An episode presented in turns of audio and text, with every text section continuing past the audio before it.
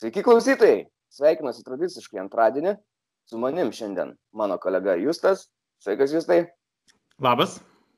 Ir turim specialų svečią, futbolo komentatorių, Sport 3 komentatorių, žurnalistą ir futbolo žmogų, Paulių Jekelį. Sveikas, Pauliu. Sveiki, sveiki, malonu, dėkui iš kvietimą. Ačiū, kad atvykai. E, Pauliau, tu dabar Lietuvoje ar Latvijoje? Ne, aš dabar jau nuo, nuo vasaros gyvenu Rygoje, tai čia mano pagrindinė gyvenamoji bazė, dirbu, dirbu gyvenu čia, tai dabar irgi esu vat, Rygoje, šiandien tokia įdomi diena laukia, nes kaip tik vat, komanda, kurioje dirbu, žaidžiam su lyderiais, važiuosim į Valmierą, tai tokia įdomi diena laukia, ypatingai vakaras irgi tokios kovinės nuotaikos. Mhm. Tai gal tu turbūt papasakok plačiau, ką tu darai dabar tame klube, kad klausytojai, kurie galbūt nežino, susipažintų tiesiog su to. Mhm. A, tai jeigu taip glaustai, pernelyg gal neišsiplečiant, tai a, praeisiais metais dar dirbau Vilnių Žalgirio klube, a, paskui prasidėjus pandemijai išsiskyrėm, kiekvienas pasukom savo keliais ir priemiau pasiūlymą atvykti į Latviją. A, įdomus iššūkis, labai gera komanda, aplinkui įdomus žmonės ir šiuo metu aš esu Latvijos futbolo čempionato, Latvijos virslygos komunikacijos vadovas ir marketingo, bei lygiai tas pačias pareigas užimu ir Rygos RFS klube, bei taip pat uh, laisvu metu komentuoju TV3 sport iš, iš Rygos studijos lietuviškai. Tai vis dar žmonės gali mane ir, ir Lietuvoje kažk kartais šiek tiek rečiau nei anksčiau, bet gali išgirsti, tai labai smagu ir ačiū už tai TV3 sport. Trys skirtingi darbai ir visi susijęs su futbolu. Kaip gali taip viską spėti.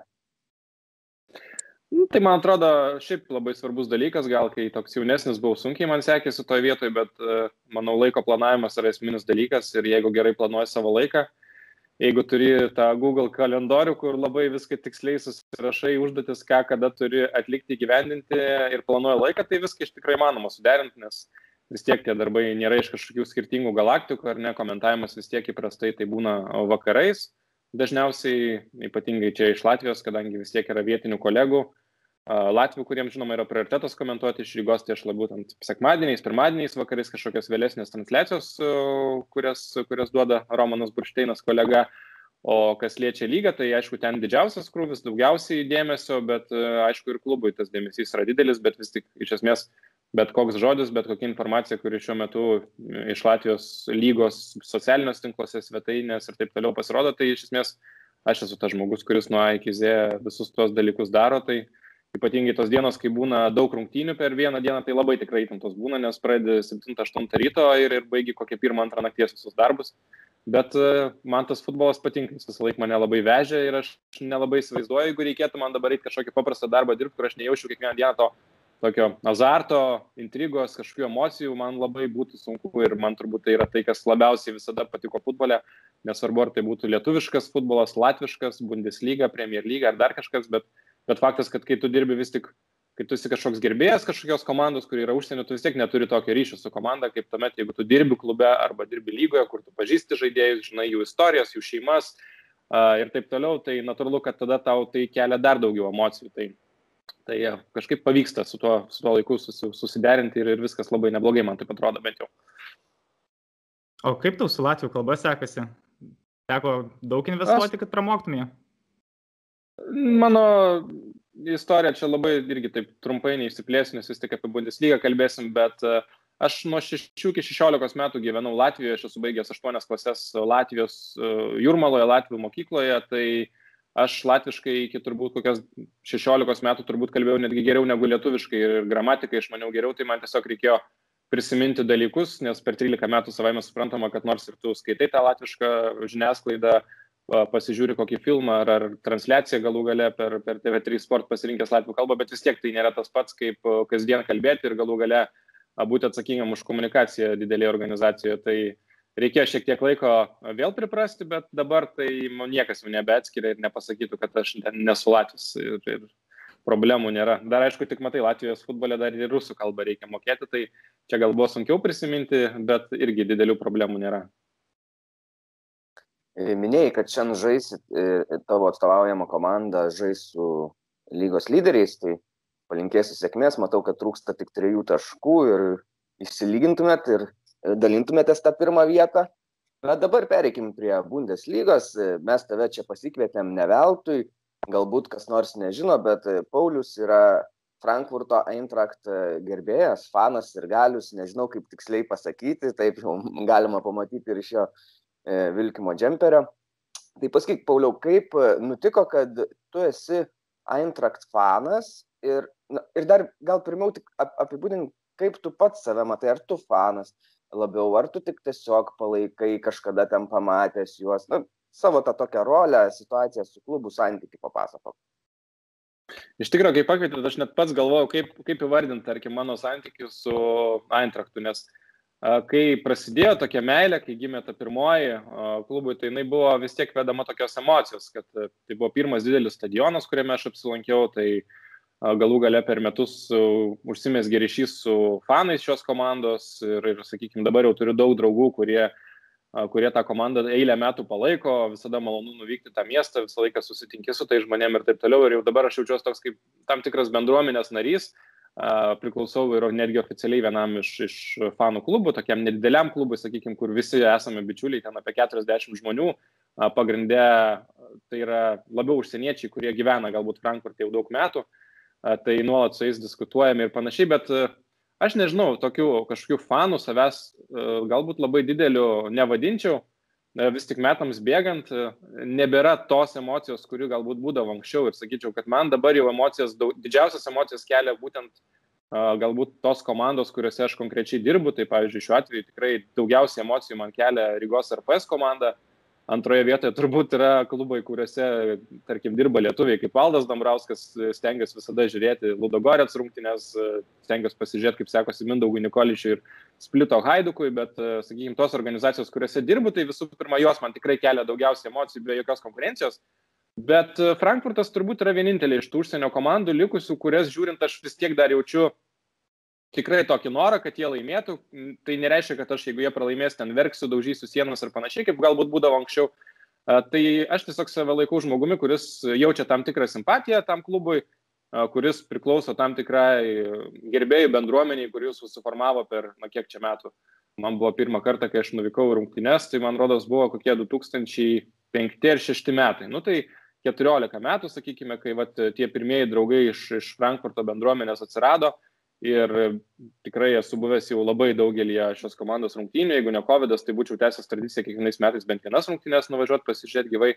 Tai aš tiesiog esu žmogus, kuris uh, palaiko šią komandą, prijaučia ir turbūt tai yra vienintelis klubas užsienyje šiuo metu, kuris man realiai, na, man norisi, kad jam sektųsi ir aš jaučiu kažkokias emocijas, nes anksčiau, tarkim, ten patikdavo Madrido realas šiek tiek, bet ne dėl to, kad man ta komanda yra kažkokia ypatinga, tiesiog todėl, kad galima šiek tiek pasijuokti, kai realas laimi prieš Barsą iš bičiulių, kurie palaiko Barsą arba Barsuko komandą, kaip aš mėgstu pasijuokti.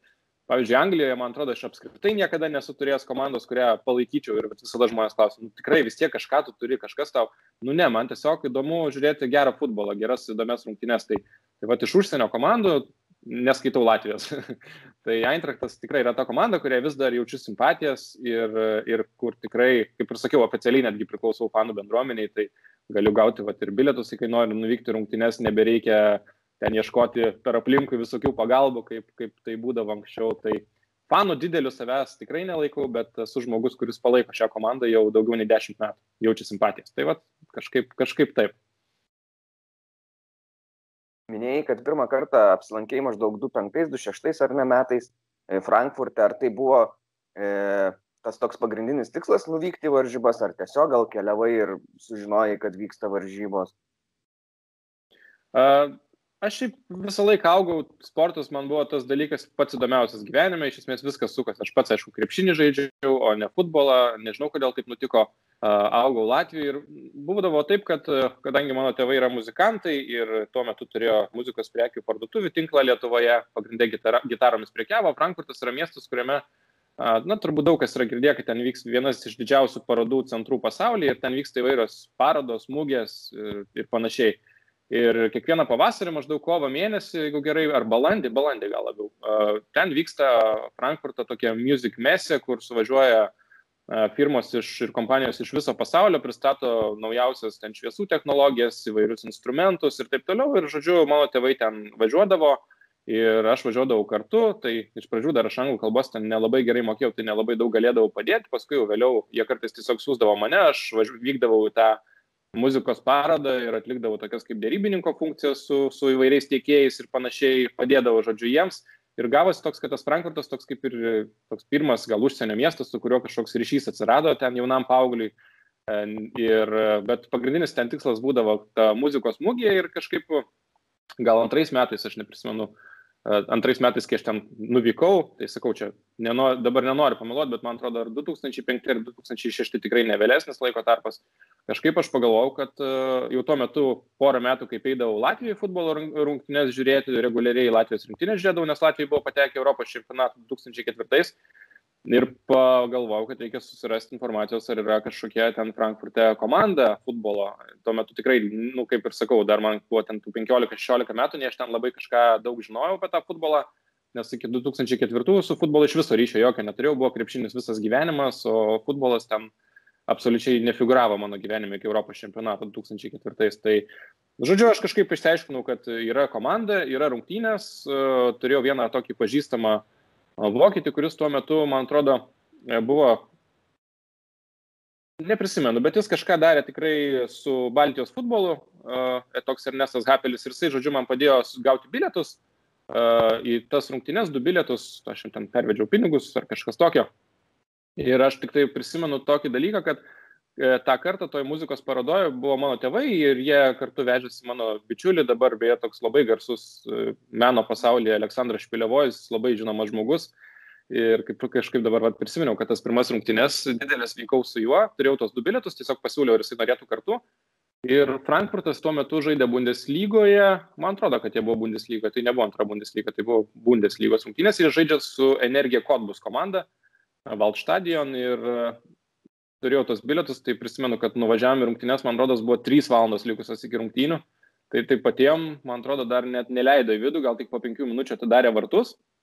Nu, tai buvom visiškai pirmi žmonės nuėję tą stadioną ir aš pamenu, kaip taip slaiptais lipi, lipi į viršų ir, nu, ten vietos kažkur pačiame, tame ketvirtame, trečiame tiksliau aukšte, pačiame viršuje, žinai, tas vaizdas, kai tu išeini ir tau, nu, nelabai ne supranti, kur tu patekai, nes tiesiog tavo pastato tas dydis toks įspūdingas ir, ir man pamenu, kad buvo kažkas tokio ten. Aišku, daug nuotraukų prašiau, kad mane ten fotografuotų. Šaliką mieste kažkokį nusipirkau už ten paskutinius pinigus, kur buvo tėvai davę, berots, kad pietus nusipirkčiau. Tai uh, Jo, tas tris valandas laukiau rungtynių, man paliko nerealų įspūdį, nei aš ten žinojau tų žaidėjų, nei aš ten žinojau situacijos lentelį, mano tikslas tiesiog buvo pamatyti vat, futbolas, kaip jis atrodo Vokietijoje. Ir iš tikrųjų ta meilė, ta emocija ir gimė, iš tikrųjų. Kažkaip, vat, tai buvo pirmas rungtynės, Frankfurtas toks miestas, į kurį vat, kasmet tokia kaip vos ne šeimos tradicija vykti. Buvo ir nuo to viskas iš tikrųjų prasidėjo. Ta pirma emocija buvo tokia stipri, kad aš supratau, kad vat, futbolas yra tas sportas, kuris man patinka labiau už viską, ką iki šiol esu matęs, kai tu matai 50 tūkstančių žmonių, kai matai tos Frankfurto fanus e, per du aukštus šokinėjančius ir, ir visas tribūnas atrodo vibruoja, tai ta emocija mane užbūrė besąlygiškai ir nuo tos akimirkos aš savo pasakiau, kad aš noriu kažką panašaus jausti vis dažniau. Tai nuo to karto nuolat dalyvaudavau Frankfurto forume fanų kurie diskutuoja, ten būdavo ir, ir anglų kalba, ir vokiškai, tai kartais ir vokiškai kažką rašydavau su Google Translate ir, ir anglų forume, kuris netoks buvo aktyvus, bet ten susibičiuliavau su įvairiais, įvairiais žmonėmis ir paskui jau, kai vykau, vykau kitais metais, tai jau būdavo lengviau gauti bilietus, jau būdavo su kuo susitikti prieš rungtynės, pasikalbėti, kurie papasakodavo apie klubą ir tas ryšys taip užsimesgė, bet iš esmės tai tiesiog buvo pirma emocija manau, jeigu aš būčiau, pavyzdžiui, pirmas rungtynės pamatęs, nežinau, kur nors Hoffenheime ar, ar Bayerno rungtynės tuo metu, tai galbūt aš palaikyčiau ir dabar sėdėčiau su, su Bayerno marškinėliais. Tai va tokia, žinai, pirma, pirma futbolo meilė iš tikrųjų, kur net sakyčiau, gal ir galvoju daug ką pakeitė, nes po tos akimirkos man kažkaip su kiekvienais metais krepšinis e, nebebuvo tas visiškai ryškus numeris vienas sportas pasaulyje ir po truputį, sakyčiau, futbolas mano galvoje ir laiko skiriamo prasme aplenkė krepšinį. Nuo to viskas prasidėjo su tavimi labai lengva bendrauti, nes aš tikiuosi tu, nes mes kai bendravom prieš tai, tu man tai leidai. E, e, su tavimi lengva bendrauti, nes tu tiek daug pasakoji ir, ir įdomiai pasakoji ir dar iš tavo pasakojimo man kyla dar bent kokie 5-6 klausimai, nežinau, kiek mes čia užtruksim. Taip, jeigu aš teisingai supratau, tu įėjai pirmą kartą stadionais, dar buvo toks apytuštis, ar ne, nebuvo susirinkę žmonių daug. Taip, nes e, aš pamenu, kad ant bilieto buvo parašyta, kad atidaro vartus 3 valandos prieš rungtynės. Tai aš pamenu, kad mes ten tikrai atėjom prie vartų ir vos, nu, apsauga jau buvo, bet, nu, taip žiūri, žinai, kodėl, kodėl jūs čia taip anksti atėjot. Nes aš tai paskui supratau, kad visas tas veiksmas vyksta, kad žmonės, žinai, ateina ten likus dviem valandom, dviem su pusė, tada jie dar prieš įėjimą į stadioną ten nusiperka tų vokiškų dešrų, uh, geria alų, kalba, o realiai mes atėjom, tai dar tik tai tiek jos keliai tai po truputį atsidarinėjo, žinai, o mes jau norėjom į patį vidų. Dabar aš jau niekada taip nedaryčiau, aš būčiau už vartų gana ilgą laiką, nes ten visas tas veiksmas būtent Frankfurte, Vald stadione, uh, iš, išlipus iš tramvajaus ir vyksta ir paskui jau likus kokiai valandai žmonės po truputį eina tribūnas, galbūt fanai kartais nueina anksčiau, ten susideda visas vėliavas ir panašiai. Bet jo, tas pirmas rungtynės, kaip prisimenu puikiai su Energija Kodbus, tai tikrai buvom ten pirmi žmonės visiškai stadione, nes, nu, nuėjom, nieko ten nebuvo tik tai darbuotojai, žinai, jie tik atidarė vartus ir vat, iš karto, iš karto jame vidų. Mano atminti taip išlikė viskas. Ne, neprisimeni, galbūt nebuvo to tokio antro emocijų pliūpsnio, kai galbūt nuėjai ten ar alaus, ar dešrainį nusipirkti ir jau grįžai vėl į stadioną pro tą praėjimą e, į tribūnas ir jau pilnas stadionas, kai tave ta masė žmonių atrodo net užgula nuo garso. Nepajauti nieko. Ne, nes aš, aš, aš, aš, tu, aš tada prisimenu tik tai, kad tikrai ne, nebuvo, nebuvau turtingas žmogus toli gražu ir man rodos, kad aš tuo metu ir alkoholį jokio nevartojau apskritai, aš paragau, man rodos, salų pirmą kartą gal 18 metų, tai, tai tada, man atrodo, tikrai ten nebuvo jokio alkoholio, nu, ta prasme, aš, aš jo nevartojau, man rodos, aš net nepirkau jokį dešrainį, nes nežinau, ar tam turėjau pinigų, gal, galbūt vieną kokį nors ten ir nusipirkau, dabar vat neprisimenu. Uh, ir realiai tiesiog, man atrodo, mes ten apėjom, žinai, ratu uh, tą stadioną ir paskui tiesiog sėdėjom, laukiam rungtynių pradžios. Tai ka kažkaip pat taip. Dar tas senas nuotraukas pasižiūrės, taip, žinai, jokingas to šaliko, toks laimingas vaikas, kaip, kaip saldainį gavęs. Tai, žinai, jo, aš puikiai prisimenu rezultatą. Tikrai neprisimenu, kas mušė, bet pamenu, kad 2-1 rezultatas ir pamenu, kad nustebino, kad ir energija kodbus fanų buvo tikrai nemažai sektoriuje. Uh, ir kad tokia tikrai buvo gera atmosfera ir, ir rungtynės, kurios patiko. Tai vat, rezultatą prisimenu, o eigos rungtynių nieko neprisimenu, bet vat, kad Frankfurtas laimėjo, tai prisimenu ir tada buvo irgi taip daug laimės ir dar įsiminė iš to pirmo karto, paskui, kai irgi įlipi į tramvajų, nes šiaip labai kas patogu buvo ir man irgi iškart pasirodė jau tada tam tais penktais, šeštais metais labai fainai, kad tu gauni bilietą į rungtynes ir tu tą dieną gali visų miesto viešuoju transportu naudotis nemokamai, nes e, jie yra kaip rėmėjai klubo irgi, nu, tiesiog žiauriai patogu, tu nusipirki ten tą bilietą ir tau jokių problemų, tu įlipi ten tramvajų, metro, kur tau reikia, pirmin atgal važiuok. Tai vad prisimenu, į, tram, į, tram, į metro, ne metro, į tramvajų įlipom ir, nu, tų žmonių, žinai, lipa tiek, kiek telpa ir paskui visas tramvajus įsibuoja, visi ten dainuoja, nur TSG ir panašiai, tai, žinai, irgi toks fainas vaibas, aišku, ten dalis įkaušia ir panašiai, bet šiaip toks pozityvus vaibas, ta prasme, ne, nemačiau kažkokių ten nesąmonių, kad kažkas ten muštųsi ar dar kažką tokie, visi gana, gana draugiški žmonės, nors paskui metams bėgant, aišku, supratau, kad Frankfurto fanai irgi tokie gana, gana stiprus su savo pažiūrom ir panašiai. Jūs tai gal... Norėjau paklausti, gal koks žaidėjas po to įsiminė iš kitų varžybų, gal kas buvo tavo pats pirmasis toks dievaitis Frankfurte? Uh, jo, tai gal tokie du žaidėjai, sakyčiau, aš išskirčiau, kurie, kurie įsiminė, tai vartininkas Oka Nikolo, tai visiškai klubo legenda, toks epinis žaidėjas, kurį, kurį visi žino, visi gerbė ir, ir buvo galimybė pamatyti, kaip jis žaidžia, žaidžia gyvai. Uh, ir šiaip per tuos daugelį metų tai Alex Mayer buvo tas žaidėjas irgi tokia klubo ikona, Eintrakto yra jam ir skirtos skanduotės ir kai jis įmuša įvartį irgi sveikina fanai taip specifiškai. Uh, Tai Alex Mayer tikrai irgi tas, va, toks, gal sakyčiau, ryškiausias žaidėjas, nes vis tik, žinai, jis muša įvarčius ir, ir kiek aš subuvęs rungtynėse, tai jisai tų įvarčių yra įmušęs e, gana nemažai, tai vat, galėčiau juos išskirti, dar čia net e, taip pasižiūrėjau pro tos senus protokolus, prasėjau, tai vat, iš tų pirmų sezonų, kai, kai vykau, tai dar tokie žaidėjai, kurie šiaip jau nieko kažko stebuklingų nepasižymėjo, bet man Marko Rus, Patrick Kochs, Benjamin Koller, tai vat, jie galbūt įsiminė iš tų tokių senesnių žaidėjų, bet jie įsiminė ne dėl to, kad jie kažko ten gerai žaidžia, žaidė išskyrus Alex Mayer, kažkodėl jie man patiko ten ir, ir tiek, žinai, vaikštau po parduotuvę ir galvodavau, kaip būtų faina jų maikę nusipirkti, bet nublemba kainuoja ten 50 eurų ar kiek tai. O kokias gal iš tavo gyvų žiūrėtų varžybų buvo tokios įsimintiniausias, pati žaidimo kokybė gal taip paliko didelį įspūdį? Jo, tai įsimintiniausias tai yra vienas, aš dabar neprisiminsiu metų, bet buvo su Bayern rungtynės, kai Eintrachtas tuo metu tikrai nebuvo ten topinė komanda Bundeslygoje, nes aš apskritai, va, tuo metu, kai aš pradėjau juos sekti, tai jie žaidė Bundeslygoje, beros, tada iškrito į antrą Bundeslygoje ir jie taip murgdavosi, ar ne, arba ten išlipa, arba žaidžia antroji Bundeslygoje ir ten jeigu kažkas manęs paklausdavo, kodėl ten žiūri jų rungtynės ar kodėl tu juos palaikai, o tada aš visas rungtynės tiesiog žiūrėdavau ten Frankfurto, ten tais laikais.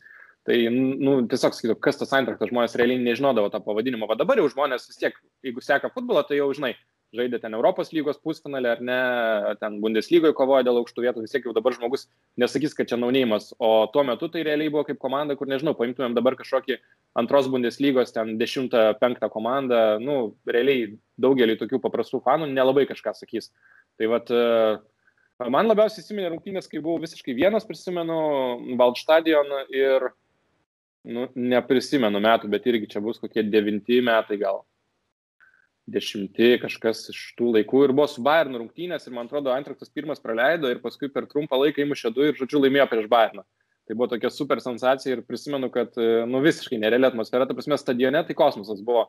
Sme, įmušė Frankfurtas ten antrą įvartį, šoka ant manęs, ten žmonės aplinkui sėdintis, nie ten manęs pažįsta, nei ką, žinai, bučiuoja ten į žandus, verkia iš laimės, tokia nereali emocija buvo ir ten, nu, nebuvo kažkokios lemiamos, ta prasme, rungtynės, bet tiesiog prieš Bayerną laimėti, žinai, buvo kažkas tokio, tai vat, prisimenu, kad, nu, visiškai nerealios emocijos, paskui važiuoja irgi ten to tramuojimo atgal, prieina kažkokie fanai, iš kur tu ten, žinai, vat, sakau, iš Lietuvos, o tai, žinai, imko išgerti ten alaus ir, ir susipažinau kaip tik iš stadiono išeinant po tų rungtynių su tokiais nu, trys tokie grėsmingi vyrukai pamačio prie manęs priejo, tokie skustagalviai, žinai, užsikočioja, ta prasme, pečiai, nu tokie, kur gatvėje sutikęs, nublemba bėgčiau naktį tikrai.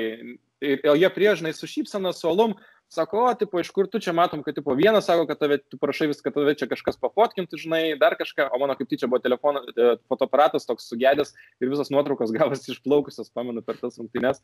Sako, tipo, nori gal laužinai, sakau, nu, nori, žinai, ir, tipo, nu, va, tokie draugiški, tiesiog prie jos susipažinti tokie trys kustagalviai ir paskui kažkaip kartu su jais važiavom iki centro, žinai, ten susibičiuliavom, pamačiau, kad jie kaip žmonės tokie, nu, atrodo draugiški ir kaip ir patikimi, nesukėliau įtarimo. Ir jie sako, žinai, ką tu, aš sakau, tai aš atgal į hostelį ir, ir tiek, žinai, sakau, man rytoj, ten aš nepamenu, ar, ar į tą mūgę dar reikėjo muzikos eiti, ar, ar jau gal skrydis. Žodžiu, sako, tai tu nesiparink, žinai, sako, mes čia turim, tipo, Frankfurtas turi savo tokius kaip ir neoficialius barus, tipo, būtuose įrengtus kelius miestuose ir ten, tipo, fanai gali patekti, žinai, arba jeigu kažkas eina su tais fanais, kuriuos pažįst, gal nori kartu, žinai, sakau, nu davai, tipo, bet sakau, aš neturiu pinigų. Tai sako, eik tu, sako, taigi vieną komandą palaikom, koks skirtumas, sako, nereikia tau tų pinigų. Nu gerai, žinai, sakau, ir atvažiavom į patį centrą, ten prie centrinės stoties Frankfurte, prosinamės pram ir tokias pasukom, nu visiškai tamsios gatvės nublemba jau biški, aš, aišku, jau buvau šiek tiek išgėręs porą ten tų obolių, obolių vyną, jie labai mėgsta gerti iš tų skardinių, net nelaus. Ir, ir kažkaip jau vis tiek biški neramu, nes galvoju, nu tamsios kažkokios gatvės, einu su šis trims kustagalviais, nublemba, žinai, nežinau, kas čia bus, bet kita vertus galvoju, nublemba, aš nieko neturiu, nu ką jie žmonės ten atims sugedus fotoaparatą ar, ar mano seną telefoną, nei aš ten tų pinigų turiu, nei ką. Ir prieinam prie kažkokių durų, didelės metalinės durys, žinai, jie pabaladoja, ten tris kartus kažkokį sutartą ženklą atsidaro, praeinam toliau, vėl pabaladoja, vėl leidžia ir paskui lipom kažkokiu sena laiptinė į kažkokią tai aukštą ir ten atsidaro duris ir baras, žmonių, žinai, gal kokių, nežinau, šimtas, ta prasme, vakarėlis, belė koks, ta prasme, visi su šalikais, su marškinėliais, žinai, ir vaikinai, ir merginos, tokia faina publika ir, nu, džiauriai buvau nustebęs, toks, galima sakyti, jų vienas iš spotų mieste, kur va tie renkasi, tie, kurie galbūt uh, dalis po rungtynį atvyksta, kai kurie galbūt ten arba negavo bilietų, arba tiesiog nenorėjo rungtynės, tai vad jie tenais renkasi žiūrėti rungtynės, tik tai tie klubo, klubo fanai. Tai žodžiu, buvo žiauriai smagus vakaras, prisimenu, kad ten visi viską statė, nes aš ten turėjau gal 5 eurus kišeniai. Tai, tai nelabai prisimenu, man atrodo, kaip aš grįžau į tą hostelį, bet kažkaip, kažkaip grįžau ir, žodžiu, dar su jais dabar po šiai dienai su tais trims kustagaliais palaikom ryšį ir kai būnu Frankfurte susitinkam. Tai Vat e, čia tikrai tokios rungtynės, kur emocijų prasme labiausiai įstrigo, nes ir nuotykis geras, ir, ir vaibas geras, ir žmonės tokie labai pozityvus, tai, tai tas man labai irgi, irgi patiko, vat ir įsiminė. Buvau čia dabar dar prieš kokius tris metus ar keturis, dabar nelabai prisimenu, su kuo Frankfurtas žaidė, bet pamenu, kad tai buvo rezultatyviausias rungtynės, kuriuose buvau, nes ar 5-1 ar 5-2 laimėjo. Dar irgi vat, su tokiu bičiuliu Matu, Matu vykom kartu, jam irgi buvo pirmas toks mačas, tai labai, paliko gerą įspūdį ir, ir kaip tik buvo jo gimtadienis ir pažadėjau, kad kartu vyksim Borusijos rungtynės, aš jam parūpinsiu bilietus ir, ir skrydį. ir tada prasidėjo COVID. -as. Tai laukiam, laukiam, kada viskas baigsis. Galų galę supratau, kad gal niekada nesibaigs, tai jam užsakiau iš, iš Borusijos šopo ten šiek tiek džemperį, maikę, dar kažką. Bet tikiuosi, kad, kad bus galima ir, ir nuskris kažkada jau pasižiūrėti gerą, gerą futbolą. Tai tokie vat nuotykiai su Eintraktu. Žiauriai geras. O tokias istorijos tai man patinka. Mes kažkaip labai taip ramiai tarpusavį, kai važiavam iš Lietuvos, tai beveik visada e, nu, pirmą kartą tai mūsų buvo kokie 30, gal žinai, tai visi kartu, žinai, visi savi, antrą kartą, nu, keturiese, trečią kartą vėl daug mūsų, tai taip, žinai, negaunam tokių vietinių patirčių daug, nes visi savi tik tai grupėje būnam. O ten jie tiesiog savo kaip klubhausą tu norėjo turėti, tu turi, ar ne? Aš kaip supratau. Jo, tiesiog yra tokie kaip, kaip keli neoficialūs barai, žinai, ir žmonės ten renkasi. Ir aš, pavyzdžiui, e, dabar buvau irgi Vat buvo tas finalas ar ne taurės, kur laimėjo Frankfurtas, bet berots metai prieš tai jie žaidė finaliai ir jie pralaimėjo, nors žiauriai gerai žaidė. Ir vat aš e, tada e, su vat, kolege Karolina Stažytė mes skridom į, į Berliną ir buvo tikslas kaip nors patekti tas rungtynes. Gaila, kad neišėjo, ten mane šiek tiek pavedė, nes uh, Mietas Gačinovičius toks žaidėjas, galbūt žino, dabar Hoffenheime žaidžia, žaidė Frankfurte prieš tai. tai jo tėvas dirbo Suduvoj keletą metų trenerio asistentų ir mes su juo susipažinom, jis man ten parūpino savo sunaus marškinėlius Eintraktos su, su parašu. Ir kažkaip, kai Frankfurtas pateko į finalą, aš iškart jam parašiau, sakau, gal įmanoma būtų kažkokiu būdu, žinai, gauti bilietą. E, ir jis sako, jo, nebus problemų, žinai, tipo tau vienam būtinai tipo suveiks. Na nu, ir aš iš karto nusipirkau skrydžio bilietą ir panašiai į Vokietiją, bet, žodžiu, paskui gavosi taip, kad uh, jisai parašė, sako, sorry, žinai, klubas davo, davė mažiau bilietų negu žadėjo patiems žaidėjams, sako, ir ten nu, visiškai neišeina vos ne tik tai artimiausiams ten keliams žmonėms. Ir sako, nu, labai didelis yra iš Frankfurto būtent pusės noras įsigyti bilietus, ten ir žmonės ten po 400 eurų mokėjo už tą finalą, žinai, kad nusipirktų bilietus po 300. Tai, žodžiu, galų gale gavos taip, kad tą mačą stebėjom Berlyne, ir irgi ieškojau, kaip tik galvoju, kur, kur pasižiūrėti būtų smagu kartu su fanais, nes buvo centre miesto ten toks ekranas, ir aikštė pastatyta, bet ten tokio vaibo nebuvo gero. E, ir tada paguglinau ir pasirodo net ir kitose miestuose, pavyzdžiui, na, Frankfurto fanai turi savo barus ir, pavyzdžiui, yra keli spotai Berlyne, kur tiesiog renkasi fanai žiūrėti būtent Eintrakto rungtynės su šalikais, su skanduotėm, nu tai oi, ten per tą taurės finalą, tai, žinai, ten vos visų pirma įmanoma įeiti, ta prasme, jau nekalbant, kad tu gautum patogią vietą per tuos televizorius ir kažką matytum visų antra, žiaurus karštis, ta prasme, nėra kondiškės, nu neįsivaizduoju. Ten įeini ir iš karto tas visas šlapės, ta prasme, ne nuo įtampos, ne nuo emocijų, o dar kažko, o tiesiog esi šlapės dėl to, kad nenormaliai, nu, tiesiog žvėriškai karšta, žinai, žmonių susigrūdė, nu, kaip silkės statiniai, tam bare, visi ten su atributika ir panašiai, visi geria tą obolių vyną žymų į Frankfurto ir, ir žiūri rungtynės ir rungtynės buvo geros. Aš prisimenu, kad nu, ten Frankfurtas nebuvo visiškai prastesnė komanda ir realiai overperformino, bet, nu, galų gale pralaimėjo bet irgi tokia buvo geras experiences, čia, vat, sakau, neprisimenu tik tai metų, bet nebuvo čia taip jau senai, čia 4-5 metai atgal, tai vat, nepavyko tada patekti rungtynėse. Čia buvo pirmas kartas iš tikrųjų, kai planavau būti rungtynėse Frankfurtui ir kad kažkas nesigavo ir rungtynėse manęs nebuvo. Ir, ir tada vat, tam bare žiūrėjom Berlyne ir paskui, sakau, žiūrėjau didžiuosiuose miestuose, pavyzdžiui, Frankfurtas visur turi savo kažkokius spotus, kur fanai renkasi. Lygiai taip pat ten Bayerno fanai, Borusijos fanai turi spotus kitose miestuose ir šiaip čia toks visiškai normalus dalykas, galbūt tai nėra klubhausas, nes tiesiog tų varų yra labai daug, bet vat, jie taip kažką, kažką palaiko. Pavyzdžiui, konkrečių Berlyno atveju tai buvo tiesiog e, to baro savininkas, paskui ten su juo pasikalbėjau, tai jis tiesiog yra iš Frankfurto pats kilęs, palaiko tą komandą daug metų ir jis turėjo va, tokį norą ir, ir, ir tą visą reikalą taip uh, suorganizavo, kad dabar va, Frankfurto fanai, kai būna Berlyne, gali visą laiką ten ateiti pasižiūrėti Antrakto rungtynes ir, ir palaikyti savo komandą irgi tokia, tokia gera, žinai, nuotaika, gera, gera emocija. Tik tai, aišku, gaila, kai rungtynės nepatinki, tai toks biški, biški vis tiek apmaudas yra. Nepatiria, kad, žinai, nežinai, nuostolių, pavyzdžiui, iš vietinių fanų. Kertos ar Unijono, kai yra baras Berlyne, Frankfurto. Ne, ne aš, aš kiek suprantu, ten problemų dėl to dalyko visiškai nėra, liberaliai tai žiūrima, nes vėlgi Hertha, pažiūrėjau, irgi gana populiarus klubas ir Hertha irgi turi savo spotus kitose miestuose, kur fanai palaiko, tai kiek aš suprantu, ten kažkokių problemų, kad vatimtų kažkas ten užpultų ir panašiai.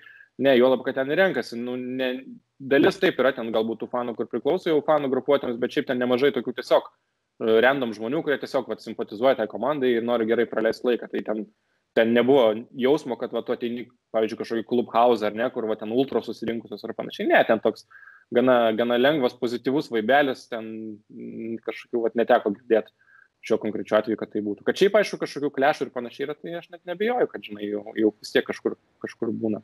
O šiaip dar, vat, ką jūs sakėt, kad irgi ten keliese, kai važiuojate rungtynės, tas experiences kitoks, tai šiaip aš pritariu, nes aš, pavyzdžiui, Frankfurt rungtynėse turbūt daugiau kartų esu buvęs visiškai vienas negu su kažkuo ir e, man tiesą sakant labai patinka, nes aš vat, e, susipažinau, jau turiu ten tą savo e, bičiulių grupę, jie visą laiką džiaugiasi, jeigu aš atvažiuoju ir, žinai, tada tu daug dalykų visokių su, su, tiesiog sužinai apie klubą, su jais pabendrauju, būni kartu rungtynėse ir, nežinau, man atrodo, toks lokal labiau galbūt experiences, kuris, aišku, per metus tiesiog susi, susiklyjavo, nes jeigu tu važiuoji su kažkuo, tai tu, žinai, vis tiek ten turi pasakot, kaip čia viskas vyksta, kažkokius dalykus, dar kažką, o taip tai tu pats nuvažiuoji ir tą informaciją tiesiog bandai sugerti, bandai pajausti atmosferą, kas irgi, žinai, yra fainai, nes dažniausiai tą futbolą vis tiek aš, man tai yra toks jau kaip ir darbas, tai labai smagu kažkur išvažiuoti, kai tu tiesiog gali būti kaip paprastas ir galius, kuris gali pasimti alaus, nusipirkti ten tą bratwurstą prieš rungtinę, žinai, kuris gali ten, e, kai kažkas varžovas nemuša iškelt pirštą ir ten iš jo pasijuok, nu tiesiog būti paprastas eilinis, eilinis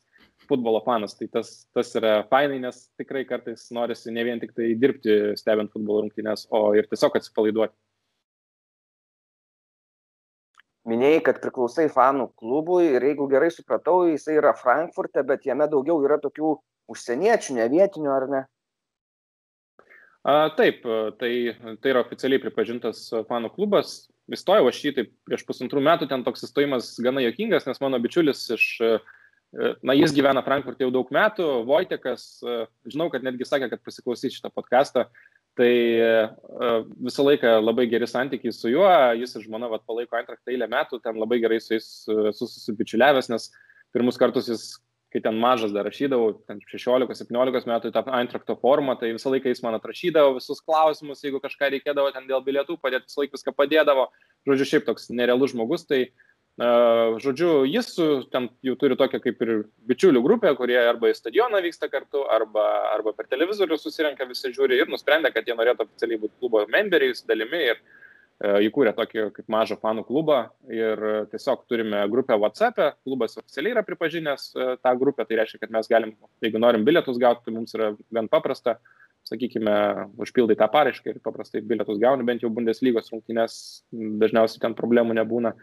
E, ir mes turim WhatsApp grupę, ten bendraujam, tik aš parašau, man atrašinėja angliškai, aš kartais kažką bandau vokiškai, nes mano vokiečių kalbos žinios tokios labai minimalios, kažką su Google Translate, bet irgi maždaug žinai tas nuotaikas, kuo klubas gyvena, žinai, kaip, kaip jie reaguoja į, į įvykius klube, kaip, kaip, kaip vyksta rungtynės, tai va tokį palaikai nuolatos ryšį, nes dabar jau sakau, porą metų rungtynėse nebuvau, neteko ir jūsų tik. Tai bent jau tas WhatsApp, WhatsApp grupė, nuolatos ten veiksmas vyksta, tai aišku, kartais uh, užtildai ją kokiai savaitai, kad netrukdytų darbams, bet uh, šiaip vat, nuolat. Tai ir vat, vakar kaip tik irgi uh, vakare pasikalbėjom su, su jais, paklausiau, vat, kas, kas naujo iš jų pusės, kokie įdomus dalykai, ko galbūt nėra spaudoj, kas vyksta klube, tai irgi klausė, vat, ką čia kalbėsi, koks podkastas ir taip toliau. Tai, tai sakė, kad būtinai įsijungs ir kad papostinčiau grupę. Puiku. O nesidomėjai, ar nėra kur nors arčiau kaimininėse šalyse, pavyzdžiui, Eintrakto fanų klubo, Latvijai, Lenkijai, kokia ne? Ne, žinok, visiškai nesidomėjau, šiaip beveik garantuotas esu, kad, kad nėra ir nesu nei kartų net girdėjęs, kad kas nors šitą komandą, tarkim, Lietuvoje palaikytų ar ten sakytų, nu, vat man kažkodėl ten simpatijos kelia Eintraktas. Nesu niekada sutikęs tokio žmogaus ten nei Lietuvoje, nei Latvijoje dažniausiai, tai anksčiau iš vis tiesiog būdavo, kas čia per komandą, ta prasme, kur čia jie žaidžia, žinai, kokioje ten trečioje ir ketvirtoje Bundeslygoje iš serijos. O dabar jau žmonės tą komandą žino, bet aš nesu sutikęs, bent jau vat, mūsų šalyse, čia Lietuva, Latvija, kad kažkas tą komandą palaikytų. Ai, blemba, va dabar prisiminiau, žinai, čia kalbu, kalbu, kad senai nemačiau Eintrakto rungtynių, taigi buvau prieš, dar prieš pandemiją, e, vasarą rungtynėse buvau. Jo, dar Vilnių žalgerį kaip tik dirbau, tai vad ne pernai, už pernai metais vasarą ir gavosi burtai, kad suvedė man rodos, gal pirmas ar antras atrankos etapas buvo Europos lygos ir Eintraktas e, važiavo į Taliną žaisti su Talino Flora. Nu tai ką, žinai, pamačiau, kad Frankfurtas Talinė, nu galvoju, nu čia, žinai, nenuvažiuoti Taliną, tai tikrai jau būtų didelė gėda. Tai vad prikalbinau dar riterių žaidėją, e, bičiulį Luką Kokanauską, tada, tada buvo laisvas agentas, tai nuskridom porą dienų, labai smagiai praleidom Talinę, pasižiūrėjom rungtynes. Ten, man rodos, buvo pagerintas e, lankomumo rekordas per ilgą laiką Floros gal 8 tūkstančiai žmonių buvo, tu prasme, žiauriai geras vaibas ir Frankfurto fanų visai daug buvo žiauriai gerą tokią atmosferą sukūrę. Ir kas, kas mane nustebino, kad tikrai, jeigu Lietuvoje, pavyzdžiui, atvyktų tokia komanda, nu, Bundeslygos komanda, Eintraktas, sakykime, gerai, ne Bayernas, ne Borusija, vardas netoks garsus, bet aš net nebijoju, jeigu atvyktų Eintraktas, tai tikrai, pavyzdžiui, ten federacijos stadionas būtų sausakimšas, jeigu žaistų Žalgeris ir bilietai būtų tikrai brangus. Pavyzdžiui, Flora, nu, nepameluosiu, 8 ar 10 eurų kainavo rungtynės, geroj vietoje, per patį vidurį ir, ta prasme, buvo vis tiek neišparduotas stadionas. Tai vad mane tas nustebino, kad, nu, nežinau, žmonės kažkiek išlepia pas tave atskrenda Bundeslygos komanda pažaisti ir ten Flora, man atrodo, ar tik ne pirmą įvartį įmušė. Ten, žodžiu, geros rungtynės buvo. Prasme, ko niekas nesitikėjo, ten ar vienas du baigėsi ir išvyko į dar Florą, net ten, man rodos, pirmą įmušė. Nu, žodžiu, ten dar netaip lengvai praslydo Eintraktas, kaip galvoja. Tai, tai, žodžiu, buvo toks tobulas oras. Tai va, čia ir buvo paskutinis kartas, kai, kai Eintrakto rungtynės pavyko, pavyko pamatyti. Tai, tai visai, visai buvo fainai, va, toks geras prisiminimas. Tu tiek daug kartų buvai jau stadione, ar pats prisimeni, kiek kartų matėjai Eintraktą stadione? Aš esu matęs ir kitose miestuose, Frankfurte žaidžiant kelias rungtynes, e, esu važiavęs, bet šiaip maždaug pas mane, taip sunku pasakyti, aš taip kažkaip skaičiavau, kad gal kokius dešimt kartų esu buvęs, tai nėra tiek jau daug kartų. Mhm. Ar, ar dešimt, ar, ar dvylika rungtynės esu, esu matęs. Kokiuose kitose stadionuose esi matęs? Kokiuose kitose stadionuose esu matęs, tai esu matęs Berlyne, olimpiniam stadione, man rodos, net du kartus esu matęs žaidžiantį Frankfurtą, Berlyno olimpiniam stadione, bet šiaip tas stadionas toks žiūrėjimui futbolo, tai nėra jis labai, sakyčiau, palankus. Galvoju, kur dar. Ai, Mainzė esu matęs dar. Nu, irgi ten toks kaip ir derbis tarp Mainzo Eintrakto, tai vat, vieną kartą esu, esu matęs Mainzą. Tai vat, tai yra tie stadionai ir, ir Talinas. Daugiau, mhm. daugiau nesu matęs. Aš šiaip esu Bundeslygos ten stadionuose keliose daugiau, vat pernai metais prieš pat pandemiją savaitę e, prieš tai pavyko apsilankyti Salzburgo rungtynėse, nes labai norėjau Uniono rungtynės, bet ten visiškai buvo neįmanoma bilietų gauti, nes stadioniukas mažas. Ten tik tai klubo nariai gauna bilietus ir pavyko susisiekti su, per, per savo ryšius su atstovu spaudai, tai jis man sako, su akreditacija galėjai be, be problemų, bet kadangi buvom, buvau su draugė, tai nesinorėjo jos palikti vienos, tai nusprendžiau, kad Zinta, ta, tas unionas, galima nuvažiuoti pasižiūrėti, kaip turtingieji gyvena Leipzigė, nes ten labai šiaip patogu, jeigu Vokietijoje visur ten nusipirkti bilietą į Bundesliga tikrai dažnai būna vargo ir tu negausi taip paprastai to bilieto. Tas populiaresnės komandas, tai Leipzigą prašau, tiesiog nueini online shopą, nusipirki, išsirinkti vietą ir, ir važiuoji. Tai, tai va, pernai metais pavyko prieš pat pandemiją, ten, nu, gal dvi savaitės prieš tai, kai užsidarė, iš esmės jau dauguma Europos šalių, tai Leipzigas žaidė su Bremeno Verdi ir man atrodo 3-0 Leipzigas laimėjo, nu labai ten lengvai, ta prasme, intrigos nebuvo tose rungtynėse absoliučiai jokios. Tai va čia, tai tenais esu buvęs ir, ir esu buvęs Bayerno stadione, bet ne per rungtynės. Tai tiesiog buvau tą pasiemęs stadiono turą, kai Lietuvos rinktinė žaidė. Ne Vokietijoje žaidė, bet tiesiog stovykla buvo, man atrodo, Vokietijoje ir, ir ten kažkaip oro uosto viešbutį gyveno Münchenė ir, ir buvo laisvas pusdienis, tai va su kolegom greitai nu, nuvažiavom iki, iki Bayerno stadiono, kad e, pavyktų apsilankyti gyvai. Tai va čia, man rodos, ir viskas, ką iš tų stadionų, ką, kur esu buvęs Vokietijai, netiek, jau, netiek ir daug. Ir kuris savo atmosfera be Frankfurto labiausiai patiko įsiminę? Šiaip, žinai, aš nustebau pernai Leipzigo rungtynės, nes, nu vis tiek kažkaip įsivaizdavau, ar ne, kad tokia visiškai ten, nu, kaip daugelis sako, plasmasinė, feikinė komanda, nu, blemba, gera atmosfera buvo tikrai. Ta prasme, nu gerai, aš nelyginu ten su Borusija, nors nesu buvęs Borusijos rungtynėse, pandemija vat, sutrukdė planą.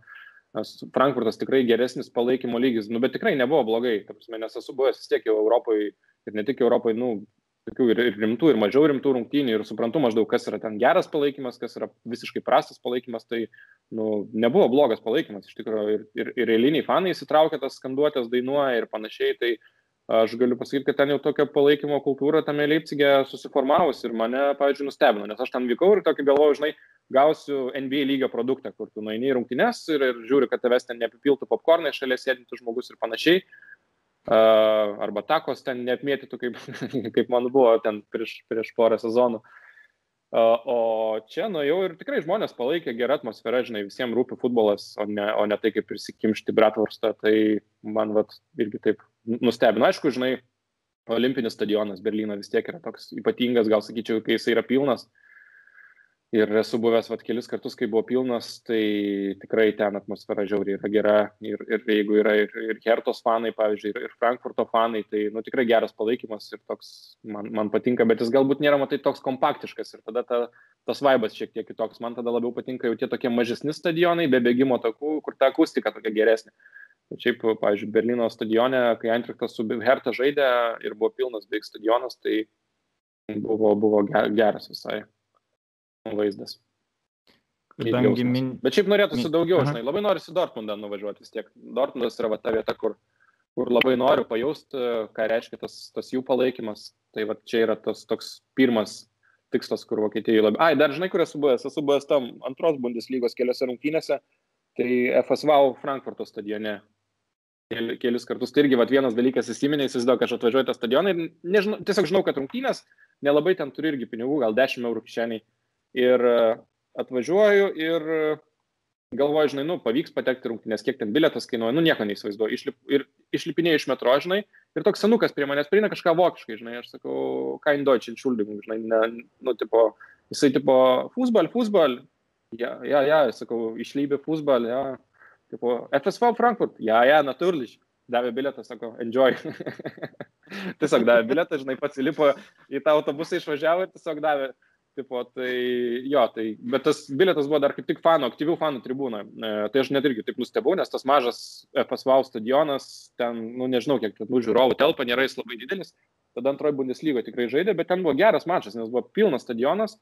Dabar varžovo neprisimenu, ir, bet tas bilietas buvo būtent į aktyvių fanų tribūną, prasme, kur visi ten dainavo, šokinė ir panašiai. Tai aš ten taip jau, tai prasme, mačiau, kad žmonės mane taip keistai žiūri. Bet e, labai šiaip buvo fainas, faina tokia patirtis, tai, tai va dar esu va, antrą Bundeslygą įsirašęs į savo čeklistą tokį irgi. Norėjau paklausti, minėjai, kad išvykos varžybas buvai, tai apie įspūdį, kaip fanai palaiko būtent Frankfurtą išvykoje, nes man sudarė toks įspūdis vat, iš varžybų, kai Europos lygoje pasirinkti buvo, žaidėm atrodo prieš Milano Interą toks jausmas, kad Frankfurto fanai išvykoje gali perimti namų stadioną, nes jų tas palaikymas, kuriame atmosfera garsas tiesiog užgožė namų publiką. Ar taip sugeba ir Bundeslygoje padaryti? Jo, kai buvau su Mainzu rungtynės ir su Herta, tai labai didelis buvo, tokios buvo didelės tos masinės vadinamos išvykas, tai pavyzdžiui, su Mainzu žiauriai geras buvo palaikymas ir tikrai, na nu, aišku, žinai, didžioji dalis stadiono vis tik palaikė Mainzą, tai gal išsilygino tos jėgos, bet jeigu va taip lygint grinai fanų palaikymą, Tai sakyčiau, kad Antraktas gal tose konkrečiose rungtynėse buvo geresnis, bet čia irgi buvo labai senai, aš jau taip sunkiai prisimenu, nes čia apie dešimt metų atgal buvo tas mačas, tai kažkas, kažkas tokio, tai vat, sunku jau taip labai, vat, jisai man galbūt neįsiminė, aš tik prisimenu, kad buvo tikrai gero lygio palaikymas, o šiaip Frankfurtas, nu, tai yra keli vat, video, kai Prancūzijoje, Europoje komanda žaidė ir ten visiškai, ta prasme, okupavo stadioną ir norėjo dar daugiau ten fanų atvykti. Ir, ir, ir buvo tokių fanų, kurie tiesiog pro apsaugą be bilietų ėjo ten kaip tankai į tą stadioną. Tai šiaip Frankfurtas turi gerą iš tikrųjų palaikymą, tikrai kokybišką ir, ir, ir jis turi ir kokybės, ir kiekybės. Tai uh, labai, labai patinka tokias įspūdžiai, įspūdžiai geri. Sakau, gaila, žinai, kad vat, nesu buvęs išvykos rungtynių daug, nes tiesiog bilietus gauti namų rungtynės yra daug paprasčiau, nes išvykas, vat, kiek ir esu bandęs ten, pavyzdžiui, su Dortmundu, kai žaidė, su, su Bayernu, uh, pavyzdžiui, gauti, bet norisi, žinai, kažkur arčiau fanų arba tarp jų būti, o ne tai, kad ten visiškai kitam galėt, arba, pavyzdžiui, Bayerno fanų sėdėti Allianz arenai, nu, tiesiog, man rodos, nepajaustum, tu, žinai, tos visos tokios emocijos, labiau būtum toks kaip paprastas žiūrovas. Tai, va, pavyzdžiui, išvyko vis tiek tie skaičiai yra riboti ir ypatingai, jeigu yra tos geros išvykos, kur nori labai daug fanų, nu, tai natūralu, žinai, kad sunku gauti yra pakankamai bilietą ir, ir panašiai. Tai, tai gaila, kad galbūt progų nebuvo tiek daug, nes, nu, man vis tiek, man, pavyzdžiui, patinka būti arba šalia jų kažkur, arba netoli jų. E, ir esu vieną kartą buvęs rungtynėse, va ir pačioj fanų tribūnoje Frankfurto, tų aktyviųjų, tai, tai visai fainai, žinai, man bičiulis kaip tik e, suorganizavo ten bilietą, nes e, e, Frankfurto fanai, sakau, jie, taip, žinai, irgi į tos užsieniečius taip žiūri keistai, jie tam turi savo palaikymą, savo tradicijas ir taip toliau. Tai man bičiulis atspausino ant lapuko žodžius, žinai, ten tų pagrindinių skanduočių, žinai, aš stovėjau tribūnai, ten davė vėliavą tokią palaikyti. E, ir, man rodos, su Štutgartu buvo rungtynės. Irgi senokai, tai vat, vienas kartas buvau fanų tribūnai per rungtynės, bet šiaip turiu pripažinti, kad gal palaikymo prasme, nors ir buvau tarp fanų, va, toj tribūnoje tą vieną kartą, bet gal vienas prastesnių. Ta prasme, nebuvo gero palaikymo tame mače, toks labai vidutinis. Bet va, turėjau lapukus, draugas atspausino, tai tiesiog tas dainas, žinai, dainuoja, aš skaitau. Tai dabar jau kai kurias dainas jau moku ten, Rot Vais Višnė, Das is DSG, tai visokias jau mokot mintinai, lapukų nereikėtų. E, tai bilietus gaunat e, dažniausiai įsigyji per klubą fanų, ar ne? Sakau, dabar e, visą laiką, kai važiuoju, aš tiesiog tam savo draugui Vojtikui parašau, at, žiūrėk, tam tos tos rungtynės, aš ten ar vienas, arba su kažkuo, žinai, ar gali, gali parūpinti, tai tiesiog jisai ten iš esmės viską padaro. Uh, ir aš tiesiog gaunu bilietą, jam atiduodu pinigus ir man nelabai ten reikia su galvos, bet tiesiog kaip ir problemų nėra, svarbu, žinai, ne paskutinė akimirka užsimanyta, ten paplanuot bent porą savaičių, bet kadangi vis tiek reikia pirkti skrydį, o nepirkti ten paskutinę akimirką, tai, vat, taip, sakykime, paprastai viskas. Vat vienintelis kartas realiai, kai esu pats pirkęs bilietą, tai kai vat, pernai vykau į Leipzigo rungtynes, tai tiesiog jau jų svetainė ir buvo galimybė nusipirkti bilietą. Tai, o į Frankfurtą, tai man rodos va taip, kad ten interneto svetainėje ar per ticket servisą niekada nesupirkęs bilietą. Tiesiog visą laiką realiai Vojtekas man padeda ir labai labai fainas žmogus. Tai tiesiog, ne, žinai, ma, mažiau problemų, tiesiog susitari, kur susitikti ir ateini, žinai, kad bilietas yra pas jį ir užtenka. Mes kai pirmą kartą vykom, tai aš buvau tiesiog šokiruotas, ant kiek mažos kainos bileto į futbolo varžybas, nes anksčiau buvau pasidomėjęs, kiek į Anglijos Premier lygą kainuoja, arba netgi jeigu kokia geresnė komanda atvažiuoja į Vilnių žaisti, irgi bileto kaina yra didesnė negu nueiti Bundesliga. Aš įsivaizduoju, Frankfurto irgi turėtų būti pakankamai nebrangiai. Kokia maždaug vidutinė kaina būna bileto? Nu, vat dabar taip irgi, žinai, apsimeluoti nesinori aš, pavyzdžiui, kai vat, geriausiose vietose esu buvęs, kai su Bayernu žaidė Frankfurtas, tada, kai vat, pasakojau tą istoriją, kai buvau vienas, tai man irgi tada Vojtekas padėjo, nu, nusipirkti bilietą, tai buvo visiškai oficiali kaina, tikrai ten niekada nesumokės daugiau negu, negu bilietas kainuoja, prasme, ten niekas manęs aplink pirštą ne, ne, nebando apviniot. Tai vat, su Bayern tikrai buvo brangiausias bilietas, buvo 55 eurai, bet dėl to, kad ir varžovas stiprus ir ten sėdėjau pirmam aukšte, gal dešimtoje eilėje, nu, tokios jau prestižinės vietos per patį vidurį, bet tiesiog ten kažkaip aš gana vėlai sugalvojau tą išvyką ir prisimenu, kad nelabai buvo daug opcijų. Ta prasme, arba įmi ten tą brangiausią, arba iš esmės jau tik tai tie brangesni ir buvo kažkaip likę. O šiaip tai esu įprastai moku, žinok, nuo 20 iki 40 eurų, man rodos, Eintrachtė. E, o, pavyzdžiui, pernai Leipzigą, man rodos, apie 40 eurų buvo biletas, bet irgi, žinai, tiesiog jau kadangi retai važiuoja, tai norėjau pasimti tiesiog ten irgi tokias geresnės vietas, sakykime, pirmam aukšte, ten per, per viduriuką. Tai va irgi Leipzigas su Werderiu, ten Werderis tada irgi nebuvo ten įspūdinga komanda, tai sakau, kainavo ten gal, gal 40 eurų. Bet beje, buvo paskui išparduota viskas, tai prasme, buvo soldautinis mačas tas Leipzigo, tai va irgi kas nustebino, kad su tokiu Werderiu, žinai, stadionas nemažas, bet viską išpardavė ir buvo pilnas, pilnas mačas, nes paskui jau prie įėjimo žmonės ieškojo, žinai, kur bilietų nusipirkti. Ten riekavo, kad, kad looking for tickets. Labai geras kainos. Bet šiaip. Jūs taip. Norėjai kažką klausti? Bet jau nebe kainas. Tarsi aš norėjau gal tiesiog paklausti, gal teko sutikti su kuriuo žaidėjų gyvai, e, arba iš Bundeslygos, arba iš Frankfurto? Nu tai e, jeigu taip apie žaidėjus, tai mm, su Frankfurto žaidėjais, ne tiesiog, ta prasme, Mietas Gačinovičius galbūt yra vienintelis, vienintelis žaidėjas, su kuriuo teko, teko susitikti ir ten pasilabinti, žinai, e, tėtis organizavo parašė, sako, va, palauk ten prie, prie šeimo tavęs lauks, tai žinai, prie paspaudė ranką ten kažką trumpai drūtai, nes ten su, su jo tėčiu visai neblogi santykiai, žinai, kartais pasiskambinam, jis papasakoja, kaip jam sekasi, kaip, kaip sūnui atsiunčia visokių ten įdomių nuotraukų, žinai, kaip, kaip sūnui sekasi, papasakoja, tai va kažkokį tiesiog draugišką, tokį paprastą ryšį palaikom, tai va su Mijatu turbūt vieninteliu, kuriuo yra tekę ten susitikti, nu, bet žinai, ten tas susitikimas minutė, nes, nu, ir tiek, žinai nieko, nieko ypatingo. O šiaip iš žaidėjų, kas žaidžia Bundeslygoje, tai nu, pernai metais čia tokia istorija buvo. Aš nežinau, gal girdėt, gal ne, bet uh, iš Latvijos čempionato klubo Valmieros žaidėjas vidurės sezono persikėlė į Bundeslygą, į Kielno komandą. Ir nu, čia tokie atvejai, kad iš Baltijos šalių žaidėjas tiesiogiai, žinai, be kažkokios tarpinės stotelės, kad nu, iššokti Bundeslygą, tai taip nu, nelabai aš prisimenu kažkokios tokios istorijos.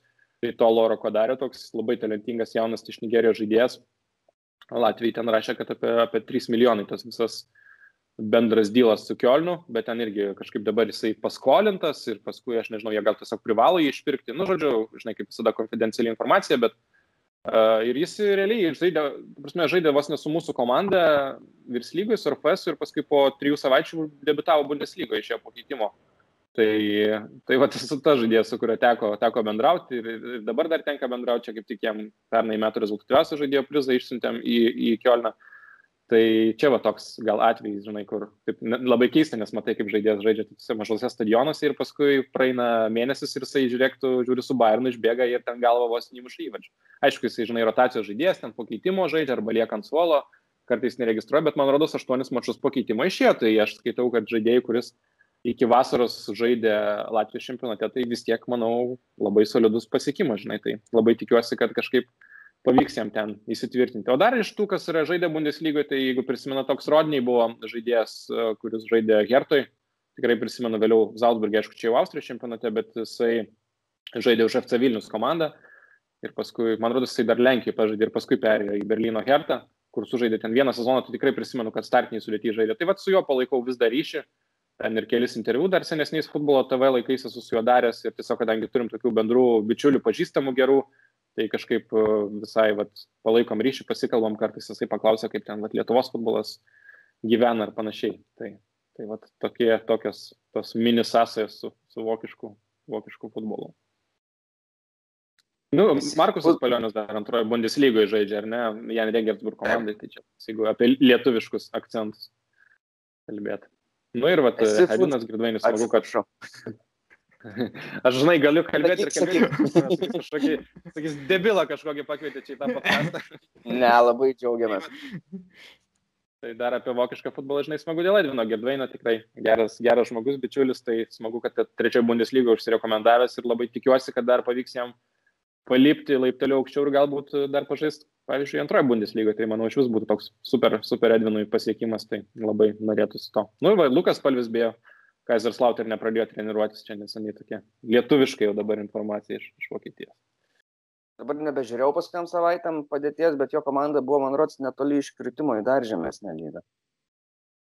Jo, tai jie tenais ir balansuoja, žinai, relegation toje zonoje visiškai. Tai šiaip keista, nes toks nublemba legendinis klubas, Vokietijos mastais, pažiūrėk, kokį stadioną jie turi, kaip, tai labai, labai kažkaip gaila būtų, žinai, jeigu iškristų į tą regioninę lygą, tai kažkaip, vat, bet parodo, kokia konkurencija, žinai, yra iš tikrųjų. Mhm. Esi futbolu labai užimtas žmogus. Ar spėjai pažiūrėti per televizorių Bundeslygą? Žinai, šiaip pat nenoriu, nenoriu meluoti, šiemet turbūt yra per tą visą laiką, kiek aš ten at, palaikau Eintracht ir panašiai, tai mažiausiai galbūt esu matęs Bundeslygos per va, tuos ten 13-14 metų.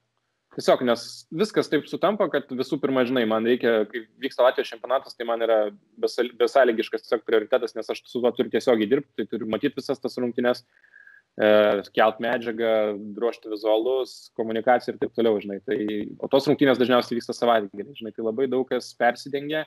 Tada, kai nežiūri Latvijos čempionatų, tada vis tiek aš seku ten tą, kas vyksta tam lietuviškam futbole, A lygoje irgi skiriu dėmesį. Iš užsienio lygų vis tiek prioritetas yra Premier lyga, nes TV3 sport ją rodo ir ją reikia komentuoti. Ir man šiaip jinai yra įdomiausia, sakykime, iš tų užsienio lygų be Latvijos, tai Premier lygiai tas didžiausias dėmesys ir vat, tada pas mane yra Bundeslyga. Tai jeigu sutampa tas vat, laikas patogesnis Eintrakto, kad ten, pavyzdžiui, žaidžia kokį penktadienį, ne, arba kažkokios ankstyvesnės rungtynės, arba kai, kai nėra rungtynių, tai tikrai būtinai pasižiūri, bet šiaip atskaičiavau, kad šiame sezone tokius, kad pilnai mačiau penkis maždaug mačius. Prasme, kad vat, nuo A iki Z, nuo pradžios iki pabaigos ir uh, iš esmės, nu, neskrolinant telefonę. Dar kokius penkis mačius mačiau fonę, kai tu kažką dirbi ir vat fonė yra. Tai žinai, pakelia akis, kai įmuša įvartį, kai komentatorius surėkia ir panašiai. Bet vat, šiaip jo, tikrai gana mažai, nors vat, sezonas fantastiškas, tai ką, ką pasižiūri, žinai, tai kai laitus, bet šiaip vat, norėtųsi tikrai šiek tiek daugiau, bet na, elementariai to laiko trūksta, man kažkaip kažkada vat, būdavo tas laikas, kai iš Eintraktų rungtynių nežiūrėdavau, jeigu žinodavau, kad ne, negaliu žinoti tiesiogiai, aš ten, žinai, vos neatsijungiu internetą, su nieko nekalbu, kad nesužinot rezultato, tada aš ten per torentus jau buvau atradęs, kur įkelia operatyviai Bundeslygos įrašus, tada atsisinčiu, žinai, ir ten vakarė žiūriu savo. Bet, nu, jau tas laikas praėjęs ir, ir dabar jau aš taip, taip nebedarau.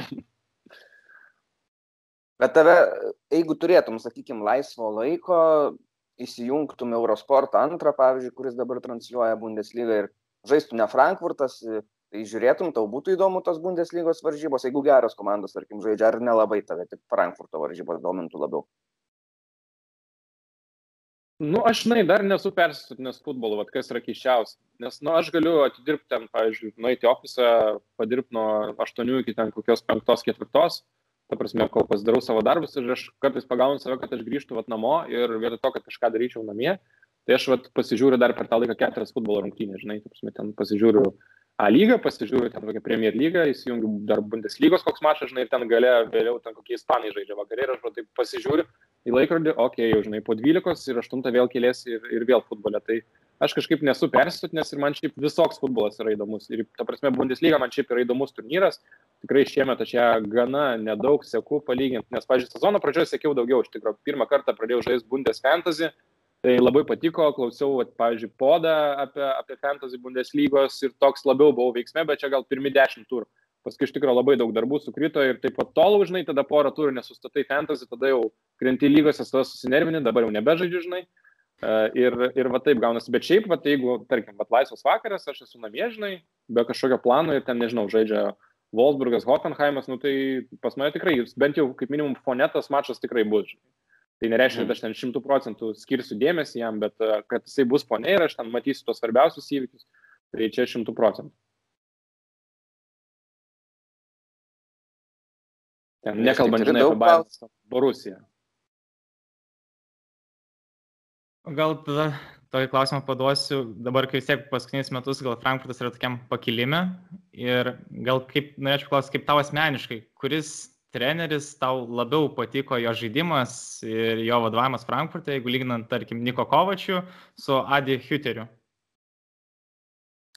A, šiaip, žinai, aš buvau tas, kuriam labai patiko Niko Kovačius. Iš tikrųjų, tai, ką jis darė su to komanda, tai kaip, tam, sakykime, laimėtų taurė, tai žinau, kad tas bendras, bendra nuomonė apie jį, nu, nėra labai gera, nes tam paskui peilino, sakykime, Bayernė ir, ir panašiai, bet nu, man kaip žmogui, kuris va, tuo metu gana daug mačiau rungtynių, tai man labai patiko Niko Kovačas ir jeigu aš jį ten pamatyčiau gatvėje, tai tikrai uh, turėčiau ranką paspauščiau ir paprašyčiau nuotraukos, nes aš jam jaučiu pagarbą už tai, ką jis padarė ir man patiko tas futbolas, iš tikrųjų, kurį žaidė prie Niko Kovačo Eintraktas.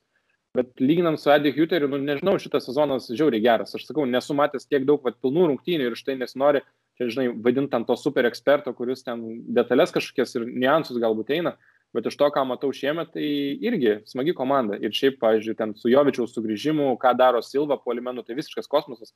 Jeigu jisai muš dar porą įvarčių, 27 įvarčių, tai čia bus apskritai klubo rekordas. Tu prasme, žaidžia nerealų sezoną ir jau visokių gandų, va ten forume pas mus, e, tiksliau, WhatsApp grupėje, fanai jau ten meta, žinai, visokius nuorodas, kad e, Silva siejamas e, su realu, kad Silva kartu su Jovičiu ten nueis į realą, žinai, už ten tokias ir tokias sumas, aišku, kiek čia, žinai, realybė, ar, ar čia visiškai gandai, tai čia, žinai, aš nelabai pasitikiu WhatsApp grupių informaciją, bet uh, kalbas tokios, tai, žinai, Silva nerealus, Daiši Kamada, man, pavyzdžiui, žaidėjas, kuris visą laiką yra toks labai imponavo, paskui savo šitą sezoną aš skaitau, kad žaidžia labai gerai, jis ten anksčiau pastebėdavau, kad daug kritikos kažkaip gaudavo iš Frankfurto fanų, toks nelabai mėgiamas buvo žaidėjas, tai va čia met persilaužė. Nu, apie Kostičių, manau, čia kalbėti nereikia. Prasme, jo kokybė, perdavimai, tai kaip jis žaidžia, tai nu, tikrai yra, manau, vienas iš geriausių netgi savo pozicijos žaidėjų visoje Bundeslygoje, žinai, taip, taip aš sakyčiau. Tai sakyčiau, atakuojanti grupė labai stipri ir labai smagu, kad uh, grįžo Jovičius, nes, nu, realiai jis ten, nu, blaškėsi, tai nebuvo tas Jovičius, kurį mes prieš tai matėm Frankfurte, kuris komanda fantastiškai žaidė Europoje ir, ir Bundeslygoje, o dabar jis grįžo ir, žinai, atgavo tą kvapą vėl Kažkaip atrodo, kad žmogus vėl mėgaujasi futbolu, išsivadavo iš priespaudos. Aišku, ir pats jis, žinai, galbūt nėra ten pats protingiausias pasaulio žaidėjas intelekto prasme ir pats visokių nesąmonį yra pridaręs. Žinai, galbūt kažkiek jau pagalvojo, kad yra čia uh, superstaras, bet nu kokybės jis vis tiek turi ir ten, žinai, kai vos ne pirmose rungtynėse išeina pakeitimo ir muša įvartį, tai, tai vat, man ta atakuojanti grupė gal Eintrakto labai patinka. Ir šiaip Eintraktas eilę metų, ko man patikdavo, kad iš esmės Ypatingai Valstadion žaisdami, nu jie atakuojantį komandą būdavo. Nu nesvarbu prieš ką žaidžia, prieš Bayerną, prieš Borusiją. Labai retai pamatydavai, kad Vatantrikas namuose užsidaro, stato autobusą ir ten atsidaužinė. Nu ne, jie visą laiką bandydavo eiti ir gaudavo ten ir penkis, ir keturis nuo tų top komandų, bet vad žiūrėti jų futbolą visą laiką būdavo įdomu. Tai sakyčiau, man atrodo, kad čia gal net ne vien ten ar Kovačio, ar Juterio nuopelnas, bet sakyčiau, man atrodo, čia jau reikėtų žiūrėti giliau pačią organizaciją, kad galbūt Antrakto sistema yra tokia, kad vis tiek jie nori žaisti tokį, jie nori žaisti futbolą, jie nori būti su kamoliu, galbūt ten praleis daugiau įvarčių, bet filosofija yra tokia, kad, na, bandyt žaisti tokį atakuojantį, akį patrauklų futbolą. Tai man atrodo, kad tos linijos iš tikrųjų ir šiame sezone yra laikomas, va čia aišku gaila, paskutinis mačas toks labai nesėkmingas, nes kova dėl čempionų lygos, kaip matom, ten labai vieną tašką, neberot prieš Borusiją, dabar Eintraktas turi, turi persvarą, labai įtempta situacija, tai gaila, žinai, prieš Bayerį, kad e, nepavyko užsikabinti, bet šiaip atakuojantį grupę žaidėjų, tai labai labai patinka ir Dar Junesą gal pažymėčiau, vat, iš, iš tų mačų, kur mačiau irgi visai toks krito, krito į akį. Labai pritapo jis iš, iš Napolio atėjęs dabar. O ką norėjau paklausti, ar nebijai, kad dabar ta sistema gali pasikeisti, Frankfurtas žais truputį kitaip kitam sezone, nes vis tiek praranda e, svarbius e, žmonės už aikštės ribų, tai treneri, sporto direktorių ir dar, na, kaip minėjai, gali būti, kad Silva bus parduotas, gal ir net koks Kostičius kur nors iškeliaus. Jo, tai žinai, čia tos permainos, tai visų pirma, gal taip pat galiu irgi buvo įdomu, vat, sužinoti, ką fanai galvoja Frankfurto apie Adi Hüterio tą sprendimą. Nu, tai jie visiškai nesupranta jo persikėlimo į Menchen Gladbachą ir jų nuomonė čia, nu, gal neišdavystė, bet e, jie kaip jokauja, kad turbūt treneris, kuris nori būti tiesiog Bundeslygos vidutiniokas, bijo spaudimo, kurio Frankfurte įprastai yra gana daug, nes vis tiek toks miestas, iš kurio šiaip kaip ir futbolo prasme, nu, nėra grandas Eintrachtas, bet kažkodėl vat, spaudimas tam klube visą laiką yra, e, siekti gerų rezultatų ir vat, fanai nelabai supranta, kodėl jis nuėjo į tokią komandą, kodėl priemė tokį sprendimą ir ypatingai, žinai, dabar, kai komanda kovoja dėl čempionų lygos vietų, kaip tai įtakos komandai. Ir, pavyzdžiui, ten interviu žaidėjai sako, kad, nu, ne, mes žinai, viskas gerai, ten šimtaprocentinė koncentracija, bet, nu, čia mes suprantam, kad tai yra tas eilinis bla bla bla, nu, negi žaidėjas jums ir sakys, kad jo, mums dabar čia, žinai, išsibalansavo kažkas, ar, ar mes nesupratom irgi čia trenerio sprendimo, nu, faktas, kad jie taip nesakys, tai, tai Adi Huterio tas sprendimas, šiaip fanų bendruomenė, tai žiauriai neigiamai sutiktas ir labai taip nemaloniai, sakyčiau, daugelis yra nustebę. O vad kas dar įdomu, žinai, tos vat, rimtesnės gal net permainos, aišku, kad Huteris, nu, pagarba už tai, ką padarė su komanda, Ir labai tikiuosi, kad kažkaip tą čempionų lygos traukinį pavyks ir toliau išsilaikyti jame, ne, neišstums iš jo konkurentai. Bet, nu, keičiasi sporto direktorius, tai čia irgi žiauriai yra svarbus, svarbus dalykas ir ateina sporto direktorius iš Leipzigo. Aš taip pat mintinai dar jo palavardo pavardės, uh, nežinau, to ir pasakysiu. Kriošė, man atrodo, Markus Kriošė. A, taip, Markusas Kriošė. Markusas, Markusas Kriošė vietoje Bobičiaus, tai buvęs sporto direktorius išvyksta į Hertą ir kaip suprantu, ten situacija tokia irgi, kad, na visų pirma, Hertą mes žinom, kad dabar yra turtingi gana investuotojai, nemažai pinigų, tai visų pirma finansinė paskata ir geresnės sąlygos negu Eintrachtė, bent jau taip yra nuo žiniasklaidos ir fanų tarpe kalbama. O kitas dalykas, kad buvęs Eintrakto sporto direktorius, jo šeima gyvena Berlyne, sakykime, jo tie praktiškai tikrieji namai yra Berlyne ir natūralu, kad turbūt jeigu gauni ir finansiškai patrauklesnį pasiūlymą ir tu gali būti namuose, o ne, sakykime, ten už, už, už nemažą atstumą nuo savo namų ir šeimos, tai turbūt irgi toks gana suprantamas sprendimas. Tai vad įdomu, kaip Kriošė save parodys ir, ir ką jis pademonstruos šiaip. E, iš organizacijos tikrai ateina gero, žinai, nors ten gali, gali daug kas juoktis iš tos Red Bullio sistemos, bet tai, ką jie per tuos metus nuveikė futbole apskritai ir kaip jie tvarkingai dirba, kaip jie, nu tikrai ten yra daug dalykų, kurių galima pasimokyti. Tai labai bus įdomu, kaip, kaip pat keisis viskas Eintrachte. Bet faktas, kad tokias, žinai, dabar nuotaikos labai, labai permainingos. Šiaip dar, žinai, tokie keli dalykai įdomus vyksta Eintrachte, aš, pavyzdžiui, buvau praleidęs, tai aišku, fanai dabar negali eiti stadionus, tai suorganizavo tokią Eintrachtą fanai akciją, kad ne tai, kad užpildykim stadioną, tipo, išreiškim su šiuo vat, svarbiu metu komandai, kai komanda kovoja dėl čempionų lygos, išreiškim tokį kaip palaikymą ir dabar fanai siunčia atvirutes į klubo headquarterius, į, į biurą, ir tikslas yra išsiųsti 51 500 atviručių, klubui išreiškiant, vat, kad mes jūs palaikom ir panašiai, žmonės e, tas atvirutės, žinai, parašo kažką, ten sėkmės, dar kažką, e, nufotografuoja, įkelia į Twitterį arba kur nors į Facebooką ir tada siunčia, žinai, ir, ir dabar apie šitą dalyką toks e,